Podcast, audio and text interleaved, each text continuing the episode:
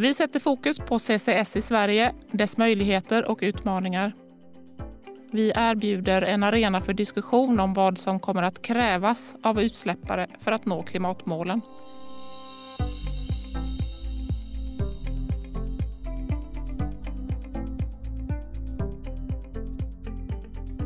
Välkommen till CCS-panelen. Jag som är programledare heter Sara Davidsson. Jag arbetar som hållbarhetschef på Midrock Europe. Och tycker du om det du lyssnar på, ge oss gärna feedback så att vi kan nå fler. Tryck på följ. Idag har jag bjudit in Gry Möll Mortensen, stadsgeolog på SGU, Sveriges geologiska undersökning. Välkommen Gry! Tack så mycket. Kul att vara här. Du eh, Gry, till att börja med, vad gör SGU? SGU är Sveriges geologiska undersökning och eh, vi är myndigheten för frågor om berg, jord och grundvatten i Sverige och eh, har till uppgift att tillhandahålla geologisk information för samhällets behov, både på kort och lång sikt. Och när det gäller CCS, då är vi även tillsynsmyndighet för, för geologisk lagring av koldioxid. Så på så sätt har vi två roller kan man säga. Vi är både en tillsynsmyndighet men vi är också en expertmyndighet. Så det arbetet med CCS eller koldioxidlagring hos oss är väldigt tudelat och uppdelat så vi inte krockar med varandra. Just det, och sen den 1 mars 2014 är det tillåtet med geologisk lagring av koldioxid i Sverige, dock enbart Precis. till havs. Och du Gry, du jobbar ju specifikt med CCS men kanske med andra saker också. Vad jobbar du med? Jag jobbar främst inom två huvudområden där koldioxidlagring är den ena och eh, det andra området är materialförsörjning och bergkvalitet. Vad innebär det senare? Det innebär att eh, identifiera vilken kvalitet eh, i material, som ett material är berget har, vilka kvaliteter det har som ballastprodukt och till vilka produkter det lämpar sig bäst. Ehm, och det som vi tittar på på SGU det kan vara det är järnväg, ballast till järnväg och ballast till betong och ballast till väg. Och så klassificerar vi de olika bergarter utifrån ett antal parametrar. Och det använder vi bland annat till att få till en, eller skapa underlag för att få till en, en hållbar materialförsörjningsplanering. Jag vet att du har en arbetsplats i Lund och jag tänker till exempel i Skåne som är en region som expanderar väldigt mycket så måste väl det här området med bergkvalitet vara superviktigt i infrastruktur och fastighetsprojekt? Precis, det är det. Och eh, vi har precis släppt en rapport om eh, bergkvalitet, eller om eh, materialförsörjning i, i Skåne. Eh, där vi framhäver att det är viktigt att man eh, får till ett bra samarbete med, med både regioner, kommuner och länsstyrelse eh, för att få till en bra planering för materialförsörjning. Men idag här så ska vi framför allt prata om koldioxidlagring och möjligheter till koldioxidlagring i svenska territorialvatten. Och det är ju ditt andra huvudområde på SGU, eller hur? Mm, precis. Jag började på SGU i, i 2012 och då började jag på en gång jobba med, med koldioxidlagring, bland annat som eh, projektledare för den svenska delen eh, i ett stort Nordics eh, CCS-projekt som, eh, som heter Nordics. Eh, så det är sedan dess jag har jobbat med, med den frågan i ungefär tio års tid då, nästan. Du Gry, ja. man kan gå in, om man är nyfiken så kan man väl gå in på er hemsida och kika på var lagring är möjlig, eller hur? Mm. Om man går in på SGUs hemsida eh, då kan man börja med att klicka på samhällsplanering och sedan på koldioxidlagring.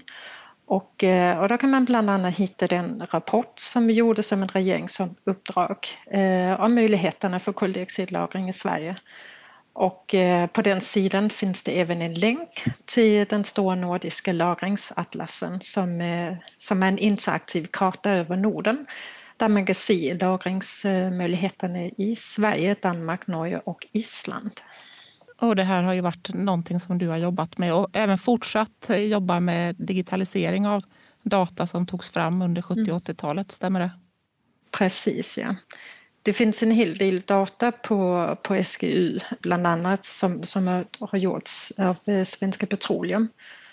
Och eh, den data den ligger på gamla eh, rullar och så, alltså, och är inte särskilt tillgänglig. Så det som vi har gjort de senaste åren är att försöka digitalisera den så man kommer åt och kan använda den data bättre. Gry, berätta lite mer om din bakgrund. Hur hamnade du på SGU? Eh, jo, men först blev jag utbildad geolog från Köpenhamns universitet med lite avstickare till Australien där jag gjorde min avhandling på Great Barrier Reef eh, om rävekologi. Och sen så tyckte vi att Skåne var attraktivt. Eh, så vi flyttade till Skåne i, vad kan det vara, 2002 tror jag det var. Och så har vi varit här sedan dess. Spännande. Du, eh, ett sätt att minska de storskaliga utsläppen av koldioxid till atmosfären är att avskilja och lagra koldioxiden permanent i berggrunden. Och det här är en metod som globalt och nationellt lyfts fram i handlingsplaner för att nå klimatmålen. Gry, vilken fråga kring CCS tycker du är viktigast? Jo, men det är som du var lite inne på själv att, eh, att enligt de rapporterna vi har sett från IPCC, alltså FNs klimatpanel och, eh, och även IEA, den internationella energiagenturen, eh, så säger de att vi inte har möjlighet att nå klimatmålen om max två graders temperaturhöjning om, eh, om inte vi använder oss av CCS och eh, även bio-CCS eller BECCS som då är nödvändig om vi till och med ska stanna under 1,5 graders eh, temperaturhöjning. CCS är idag det enda sätt som tar bort koldioxiden permanent ur atmosfär och kolcykel och samtidigt är det en, en befintlig och beprövad teknik. Nu är det inte så att SGU förespråkar att vi ska använda CCS, eh, men eftersom vi är myndigheten för frågan berg, jord och grundvatten då eh, har vi till uppgift att tillhandahålla den geologiska information som, eh, som behövs eh, för, för att kunna utpeka eller identifiera potentiella lagringsenheter för koldioxidlagring. Ja, och ni är dessutom tillsynsmyndighet då, utsett av mm. riksdagen för, för den här geologiska lagringen av koldioxid som vi ska nämna som ju alltså inte görs aktivt i Sverige idag. Eh, mm. Men det vi ska diskutera är ju vad finns det för möjligheter? Om det finns möjligheter, hur ser de i så fall ut? Och enligt eh, beräkningar från eh, IEA, den internationella energiagenturen, så behöver CCS, Carbon Capture and Storage, stå för minst 10 procent av åtgärderna för att nå Parisavtalet, lite beroende på hur man räknar. Och det här mm. berör ju fler branscher än man, vad man kan tro eftersom klimatpåverkan finns i alla branscher och i allt vi gör. Håller du med om det, Gry? Mm. Ja, precis.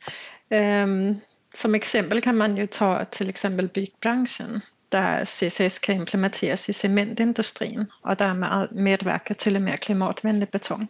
Jag vet att Filip Jonsson pratade om det i en tidigare podcast som ni har gjort. Just en satsning eh, inom något som ibland kallas för grön betong, bland annat. Mm. Ja, vi ska röra oss vidare till eh, förutsättningar för lagring i svenska vatten. Hur ser det ut om du börjar med att beskriva det för oss? Jo, men först kan man ju säga att det finns möjligheter för att lagra koldioxid i Sverige. Eh, men också att det behövs. Som vi var inne på tidigare så är det gamla data vi har. Så det behövs kompletterande undersökningar och, och data till, till det som vi redan har för att kunna säkerställa en god och säker lagring. Och det, det, behövs igen, som jag pratade om tidigare med ballastförsörjning, att det behövs en samverkan myndigheter och bransch emellan. Och, eh, och då har Energimyndigheten eh, just fått ett uppdrag att etablera ett nationellt CCS-centrum enligt eh, den klimatpolitiska vägvalsutredningen som publicerades i varas, tror jag det var. Så det finns möjligheter att lagra koldioxid i Sverige men det behövs kompletterande undersökningar. Och Gry, mm. du har ju skrivit en rapport på uppdrag av regeringen som beskriver var lagring skulle kunna vara mest intressant. Våra lyssnare sitter nu och undrar var pratar vi om rent geografiskt? Mm. Och först ska jag kanske säga att inte, jag har inte skrivit den rapporten ensam, men, men jo precis. Ehm, det gäller havsområdena sydöstra Östersjön och, eh, och havsområden in till sydvästra Skåne där det finns porös sandsten på rätt djup. Och eh, vi har ändå tittat på, på de ställen där det i, i teorin i alla fall finns kapacitet för att lagra mer än 100 miljoner ton koldioxid. Och då har vi identifierat åtta potentiella lagringsenheter, tre i sydöstra Östersjön och fem i sydvästra Skåne. Du nämnde 100 miljoner ton. Vad pratar vi om för volymer som vi känner till idag? Mm. Det beror lite på vilken metod för beräkning man använder och om man gör rent teoretiska beräkningar som främst baseras på estimerat påutrymme eller om man använder som metoder för modellering och simulering. Och eh, i projektet Nordic som jag berättade om tidigare, där gjorde vi eh, bland annat teoretiska beräkningar som visade på lagringskapaciteter på totalt 3,4 gigaton, alltså 3400 miljoner ton för, för sydöstra Östersjön och sydvästra Skåne tillsammans. Men när vi även testade modellera simulerat då blev resultaten något mindre. Eh, och det är inte ovanligt, det, det är så det ser ut. Det är något som heter eh, mognadspyramiden där man ser ju längre upp i pyramiden man kommer eh, desto närmare mot implementering är man och, eh, och då blir kapaciteten mindre och mindre för ju, mer, ju fler parametrar man stoppar in ju mer säker blir eh, estimatet. Ja, beräkningar från Chalmers visar ju att vi skulle kunna behöva kapacitet att lagra upp till 10 miljoner ton per år under ett stort antal år här framför oss. Om man gör en, en matematisk beräkning då att man vill lagra i 50 år och man har 10 eh, ton per år då från Sverige och kanske lika mycket till från de andra länderna runt omkring Östersjön. Finns det kapacitet för, för den mängden, den volymen? Mm, lite osäkert. Eh, jag kan ta som exempel med den modellering som vi gjorde just för sydöstra Östersjön där vi tittar bara på en eh, lagringsenhet, den som vi kallar Faluden. Och ehm, för att uppnå eh, de vad ska man säga, alltså i själva modelleringen där vi använder oss av eh, det program som heter Eclipse 100 som är en eh, som, som modellerar migrationen och infångning av koldioxiden i fällor samt upplösningen i formationsvattnet. Och då testar man ett antal scenarier där och eh, för att uppnå det optimala förhållandet i den här settingen då krävdes det sex injekteringsbrunnar som idag låg längst mot gränsen för svensk ekonomisk zon i sydöst. Och, eh, och injekteringstakten, alltså hur mycket man kan, man kan injektera på en gång, den uppskattade vi till 0,5 eh, miljoner ton i brunnarna längst mot norr och södra eh, samt en miljoner ton i de fyra mellanliggande brunnarna. Och det blir då totalt eh, 5 miljoner ton koldioxid årligen. Och när man då vidare modellerade på det här då såg vi då att man, om man skulle behålla den injekteringstakten och samtidigt säkerställa att trycket i lagringsenheten inte blir för stort så krävdes det även fem så kallade vattenproducerande brunnar in till injekteringsbrunnarna av vattenproducerande brunnar som det låter då, eh, borrningar där man tar upp vatten från, eh, från eh, lagringsenheten för att kunna administrera trycket i, i enheten. Och när vi då testade olika injekteringsscenarier där såg vi att eh, vi fick väldigt goda resultat eh, vid injektering av eh, 250 miljoner ton koldioxid över en period på 50 år. Så det, det, är lite mindre än de eh, beräkningar för behovet som Chalmers har gjort, men det här är som sagt bara en enstaka lagringsenhet. Tittar vi då även på sydvästra Skåne och de där så skulle jag säga att det, det kanske inte är helt omöjligt. Ja, det låter spännande. Det, det låter som att eh, vi behöver veta mer och få mer kött på benen. Håller du med om den bilden? ja. Och då är det provborrningar eller vad, vad, vad tycker du skulle vara ett rimligt nästa steg? Alltså som jag sa tidigare så behövs det eh, kompletterande undersökningar. Vi behöver få mer data. Eh, för det är ju så, ju mer data vi har ju säkrare blir de modellerna som vi gör. Och det i sig är ju, alltså behövs ju en utredning som, jag tror det var Filip som var inne på det också i en tidigare podd, med att eh, man behöver göra en, en utredning för att se hur mycket det skulle kosta att göra de här kompletterande undersökningarna och precis vilka undersökningar som krävs för att man skulle kunna gå vidare. Och sen är det ju inte bara att, att göra en modell och sen sätta igång. Sen börjar man ju med testinjekteringar för att se hur koldioxiden, eh, koldioxiden beter sig. Och när man är trygg med det så går man vidare till att göra en, en mindre demonstrationsanläggning och så kör man den några år för att se om allting görs som förväntat och sen kan man börja fundera på att implementera i, i storskala, storskalig anläggning. Just det, och för att eh, lagra koldioxid för att det ska vara intressant så är det ju så att volymen måste vara tillräcklig för att själva investeringscaset ska vara intressant för de som eh, är eh, intressenter och stakeholders i det här med tanke på vad som krävs över tid. Det är ju enorma kostnader förbundet med eh, att sätta upp infrastrukturen för lagring under havsbotten. Mm. De svenska lagringsmöjligheterna ligger ju främst utanför Gotland och ner mot Litauen om jag förstår det rätt. Vem har rättigheterna till de här platserna? Vem är det som bestämmer? Det skulle jag säga den svenska staten. För att få tillstånd till att lagra koldioxid så krävs det en prövning av, eh, av Mark och miljödomstolen enligt miljöbalken. Men även regeringens godkännande krävs. Och eftersom lagring som huvudregel endast får ske under havsbotten i Sverige då kommer det även att krävas en tillståndsprövning enligt lagen om kontinentalsockeln. Hur ser de olika länderna runt södra Östersjön på möjligheterna att lagra koldioxid i havsbotten? Det är lite olika för det är, inte alla länder i Östersjöområden som tillåter koldioxidlagring. Men samtidigt så finns det ett etablerat nätverk som heter Basrex som eh, bland annat tittar på möjligheterna för lagring i Östersjön och delar erfarenheter och så. Så på vissa håll finns det i alla fall en vilja. Men det varierar lite med vad politikerna vill.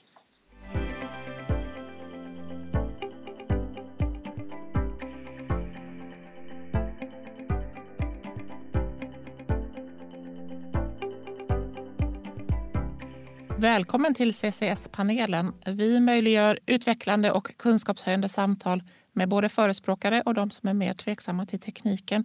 Jag heter Sara Davidsson och med mig idag har jag Gry Möll Mortensen, stadsgeolog på Sveriges geologiska undersökning, SGU.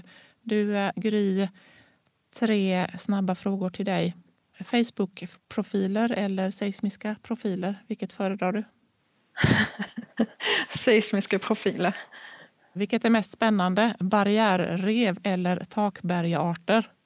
Ja, det beror ju på vad man sysslar med.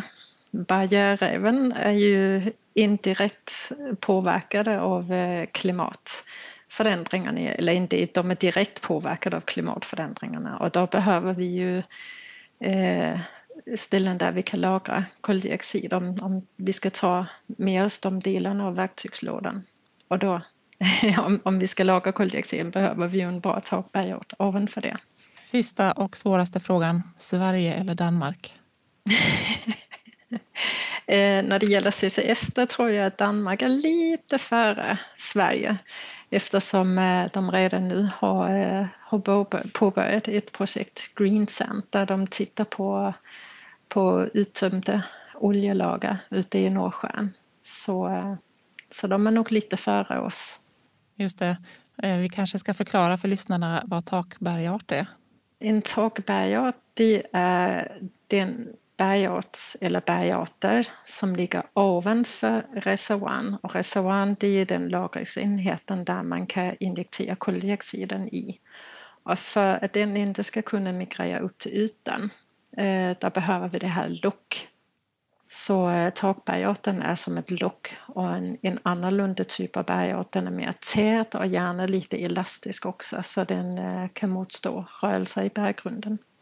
Gry, i eh, ett av våra första avsnitt, eh, CCS for Dummies, så har vi ju beskrivit eh, hur själva infångningen och transporten går till och även lite granna om lagring av koldioxid.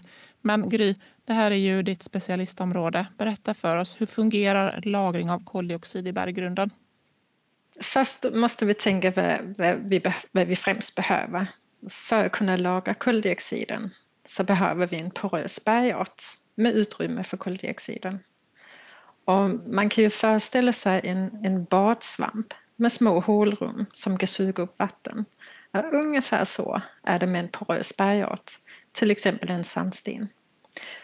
För den utgörs av biljoner små sandkorn och däremellan finns pyttesmå hålrum och det är det som vi kallar porutrymmen och där vi kan injektera koldioxiden. Och eh, lagren kan ske på lite olika sätt. Men här i Sverige så skulle det vara aktuellt med lagring i så kallade djupliggande salina akvifärer. Och det är en salin akvifär det betyder att den, den är fylld med saltvatten. Så det är ingen dricksvattenakvifär som man ska använda. Som jag berättade om i tidigare avsnitt behöver då koldioxiden vara i superkritiskt tillstånd. Och det vill säga att den ska vara flytande för att kunna injekteras ner i lagringsenheten. Och eh, när man då injekterar koldioxiden, till exempel i en lutande akvifär, som just är det som är tillfälle för sydöstra Östersjön. Då vill koldioxiden stiga uppåt och börja sprida sig ut med akviferns lutningsplan samtidigt som den binds mikrostrukturellt och upplöses i formationsvattnet. Och med tiden blir det då allt mer, eller allt mindre fritt koldioxid. Ehm, så man kan på så sätt säga att det ingår i ett naturligt kretslopp att det, det, börjar, att, det borde upplösas och, eh, och börja mineralisera. Och då, som jag sa tidigare, för att hålla kvar koldioxiden i reservoaren så behövs det då en, en takbergart som, som då fungerar som en ogenomtränglig barriär som hindrar koldioxiden från att migrera upp till ytan. Vad pratar vi om för djup? Jo, men för att Eh, hålla den, eh, koldioxiden i det här superkritiska tillstånd, då behöver vi vara på ett djup som är djupare än 800 meter. För kommer vi över, blir det mer grund än 800 meter, då, då börjar koldioxiden eh, övergå till gasfas och då blir den desto mer flyktig också. Så djupare än 800 meter vill vi vara på.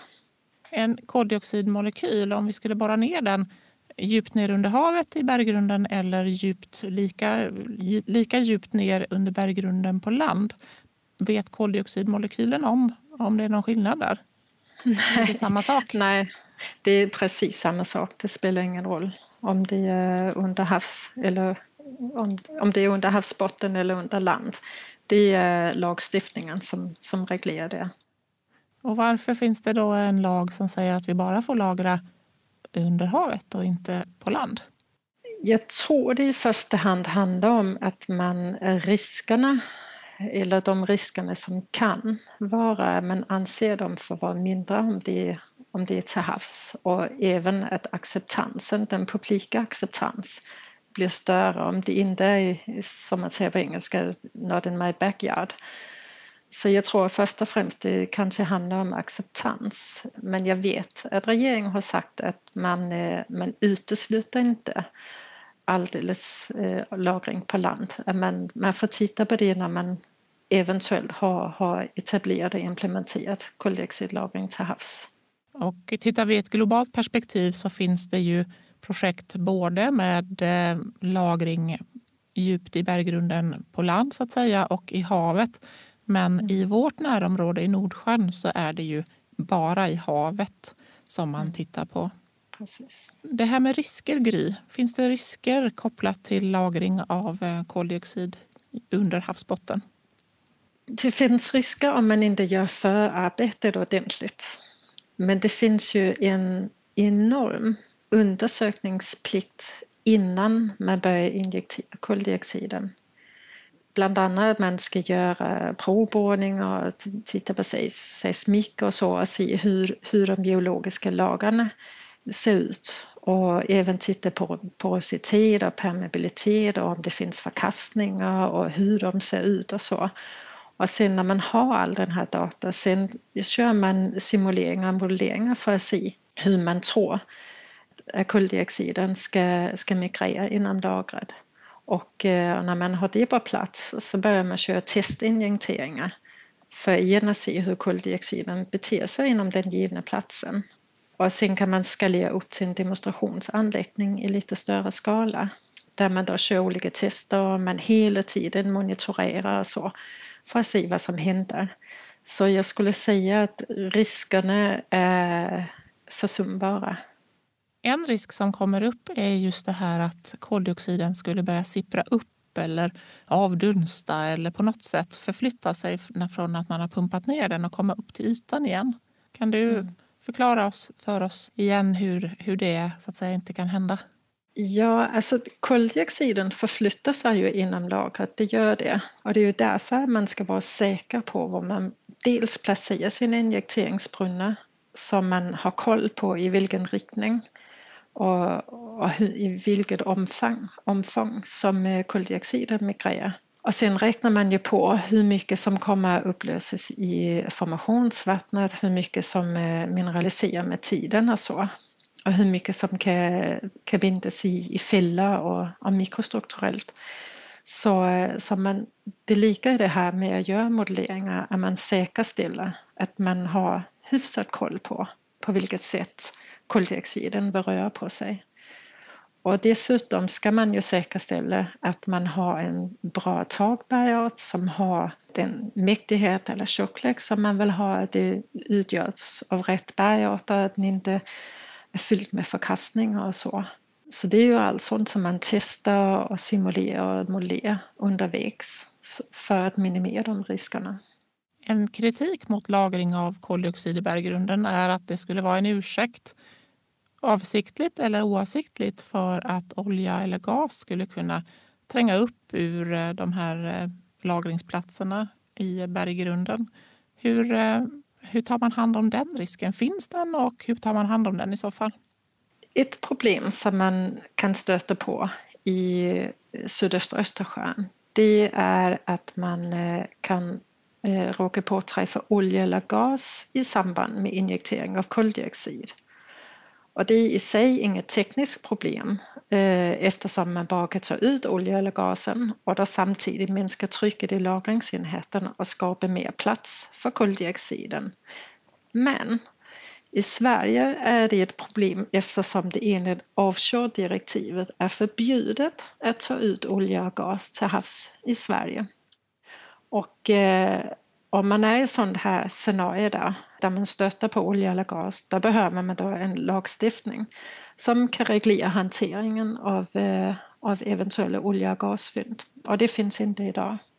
Just det, och det här är ju någonting som man har mycket bättre koll på på de ställen där man har tagit upp olja och gas tidigare eh, och de sajterna som förbereds ute i Nordsjön i våra grannländer. Men det behöver vi ha bättre koll på i Sverige då för att kunna hantera. En annan risk som man skulle kunna tänka på som lekman det är ju att om vi ska trycka ner stora volymer av koldioxidvätska som det då är, kan inte det öka trycket och skapa rörelser i jordskorpan och skapa jordbävningar? Hur ser du på det? Jo, det skulle man kunna tänka om, om man bara trycker ner koldioxid och inte gör något annat. Då skulle det kunna ge någon seismisk aktivitet. Eh, som till exempel jordbävningar. Men det är inte ovanligt att man i samband med att man injekterar koldioxid även har legat till eh, så kallade vattenproducerande brunnar. Och det är ett sätt att administrera trycket i lagringsenheten så det inte blir för högt. För som jag berättade tidigare så är den här porösa bergarten där man injicterar koldioxiden, den är som en badsvamp som är fylld med vatten, med saltvatten. Och då kan det vara smart om man då suger upp eh, något av det vatten för att skapa mer plats och för att sänka trycket. Då kommer man åt den problemställningen. Så det du gör är att samtidigt som du trycker ner koldioxiden så pumpar du upp lika stora volymer av formationsvattnet. Det som, är, ja, som det. finns i bergarten. Mm. Just det. Du, Gry, vi ska titta på möjligheter och utmaningar lite till med koldioxidlagring under havsbotten. Vad är främsta argumentet för att undersöka lagring av koldioxid i svenska territorialvatten? Det är främst att man ska se över alla möjligheter. Det, det gäller ju för CCS generellt. CCS är ju inte en metod, men en del av verktygslådan. Så det gäller här också att man ska se över alla möjligheter och, eh, och sen tycker jag också att det att man behåller en möjlighet till nationell lagring, det innebär både en säkerhet och även en förhandlingsposition mot till exempel eh, om man ska hyra in sig så att säga i till exempel Norge. Eh, för att enbart förlita sig på lagring i andra länder, då riskerar man att låsa in sig i ogynnsamma avtal plus att vi då inte har någon garanti för hur CO2 eh, hanteras. Men samtidigt så tycker jag det är en bra idé att man eh, börjar med att lagra i till exempel i Norge eftersom det finns en väldigt bra erfarenhet i Norge med, med koldioxidlagring och då kan vi, har vi tid att samla på oss kunskaper från det också.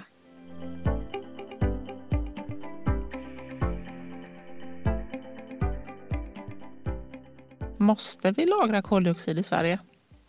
Om man tittar på den klimatpolitiska utredningen eh, som kom med sitt betänkande i våras, då har de kommit fram till, jag är inte säker på att siffran är helt hundra, men att det finns en potential för att eh, avskilja cirka 10 till 20 miljoner ton koldioxid per år i Sverige från biogena källor.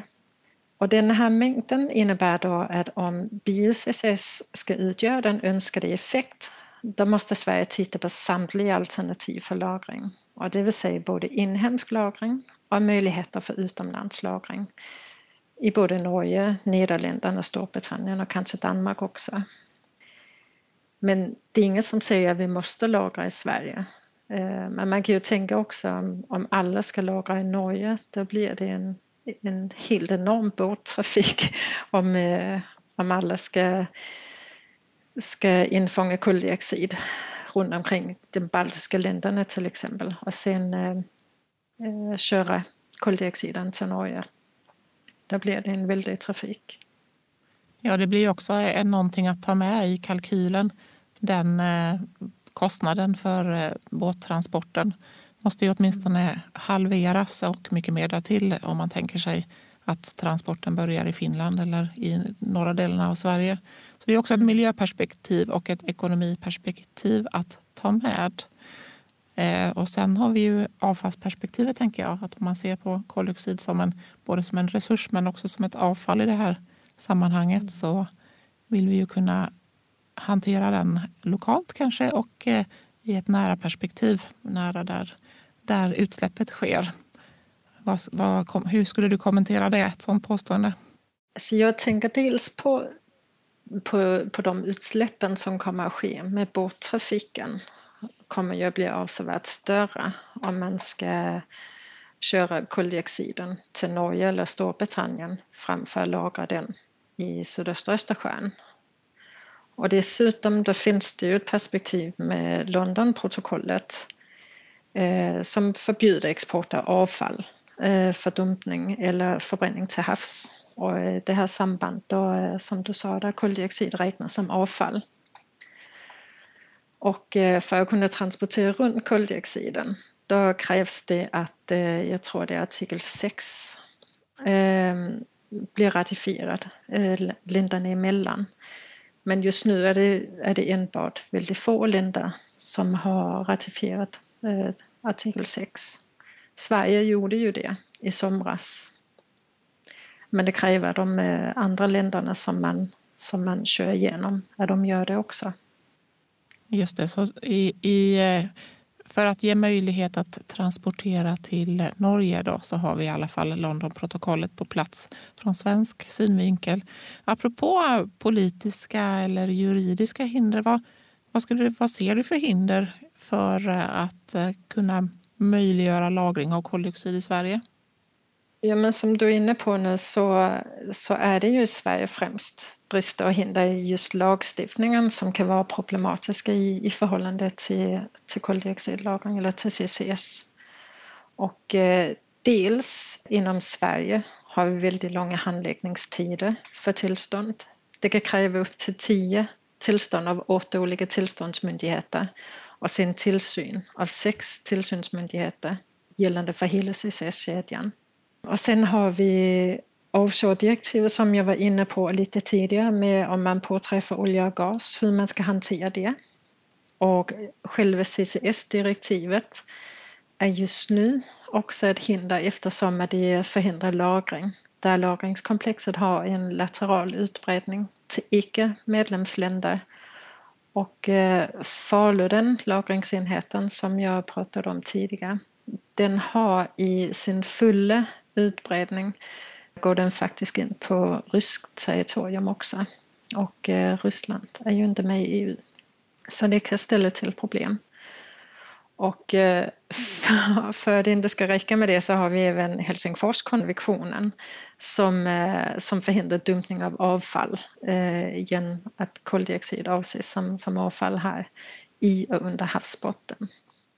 Om vi bortser från handläggningstiderna för tillstånd som ju är våra centrala myndigheters uppgift. Vad ser du för, var tas beslut? Var behöver vi beslut någonstans för att lösa upp de här knutarna? Ja, det är på EU-nivå att man behöver göra de justeringar eller förtydliganden. För just Helsingforskonventionen, då handlar det om hur man översätter eh, texten. Vissa länder har, har översatt det till att är man inte eh, förlaga eller dumpa koldioxid på havsbotten, andra säger i havsbotten och andra säger under havsbotten. Och det är ju stor skillnad på om man ska dumpa ner koldioxiden på havsbotten eller om man ska lagra den under havsbotten. Så det, det behövs förtydliganden där eh, och jag tror det måste göras på, på EU-nivå. Ja, det är ju en eh, relevant synpunkt från en geolog, eller hur? Att det mm. är lite avgörande skillnader. Du, eh, legala förutsättningar kommer och ska ju också ta tid för att eh, få på plats för att det ska bli rättssäkert och rätt på alla håll.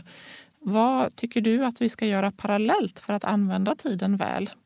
Mm, ja, men alltså främst kan man ju säga att, att inte aktivt, det vill säga redan nu, arbeta för att ta bort de här hindren Eh, för svensk lagring. Det gör ju att vi i praktiken riskerar att stänga den möjligheten om man, man tittar på vilken hastighet som klimatförändringarna har. Eh, men sedan behöver man göra noggrann utredning för vad som precis krävs för kompletterande undersökningar och data för att vi ska kunna implementera koldioxidlagring och inte minst vad kostnaden för detta skulle bli. Så jag skulle säga första steget utöver de legala hindren det är att titta på eh, och göra en utredning kring vad som krävs för att vi kan sätta igång med geologisk lagring av koldioxid i Sverige. Kompetensen som du har kring reservoargeologi som det kallas, alltså kunskap om eh, hur eh, berggrunden ser ut djupt under havet. Är det någonting som vi också behöver bygga på här i Sverige? Ja, det kan, det kan man säga eftersom Sverige ju inte är någon oljenation eh, som Norge är till exempel. Och eh, det finns fler problemställningar i det. Dels att vi inte har gjort så jättemycket undersökningar som Norge har gjort. De har ju gjort borrningar som ligger helt tätt eh, jämfört med i Sverige i alla fall. De har mycket, mycket mer data. Men sen har de ju lång erfarenhet och eh, kunskap om reservoargeologi eftersom att det är samma typ av geologi som, eh, som, som olja och gasgeologi. Eh, och den erfarenheten är inte så jättestor i Sverige. Du som har jobbat med den här frågan och följt utvecklingen och forskningen över tid. Vad vet vi idag om möjligheten att lagra koldioxid i Sverige som vi inte visste för tio år sedan? För just lagring tror jag, man har ju lagrat koldioxid eh, sedan 70-talet och, eh, och samtidigt har man långa och nyttiga erfarenheter från olja och gasindustrin som, som just bygger på de samma principer som för koldioxidlagring. Så gällande CCS så tror jag nog mest det är själva infångningen och avskiljningen där det har hänt mest de, eh, de senare åren. Samtidigt kan man säga att som tiden går så får vi identifierat fler och fler potentiella lagringssites både i Sverige och, och globalt.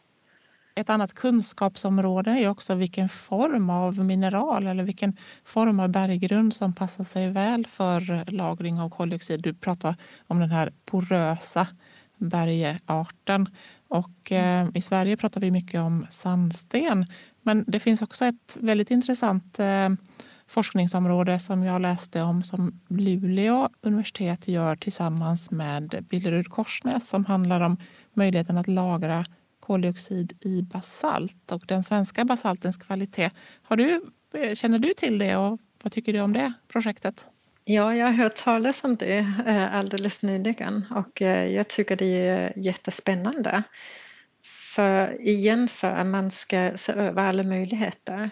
Jag kan vara lite tveksam till om eh, de svenska basalterna är tillräckligt porösa.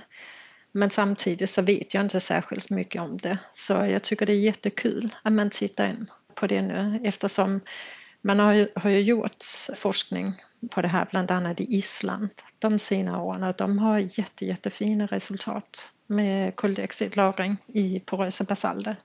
Så det, det är bara kul att man tittar in till den möjligheten i Sverige också. Avslutningsvis, Gry, om du summerar, vad skulle du vilja lyfta fram när det gäller möjligheter att lagra koldioxid i berggrunden i svenska vatten? Jo, men då skulle jag nog igen lyfta fram den klimatpolitiska vägvalsutredningen eh, som i sitt betänkande Vägen till en klimatpositiv framtid framhäver att vi här i Sverige behöver CCS och främst då bio-CCS för att nå det svenska målet om klimatneutralitet till 2045 och därefter negativa utsläpp. Men samtidigt skulle jag också säga att, att all lagring är betydelsefullt, både fossil och biogen.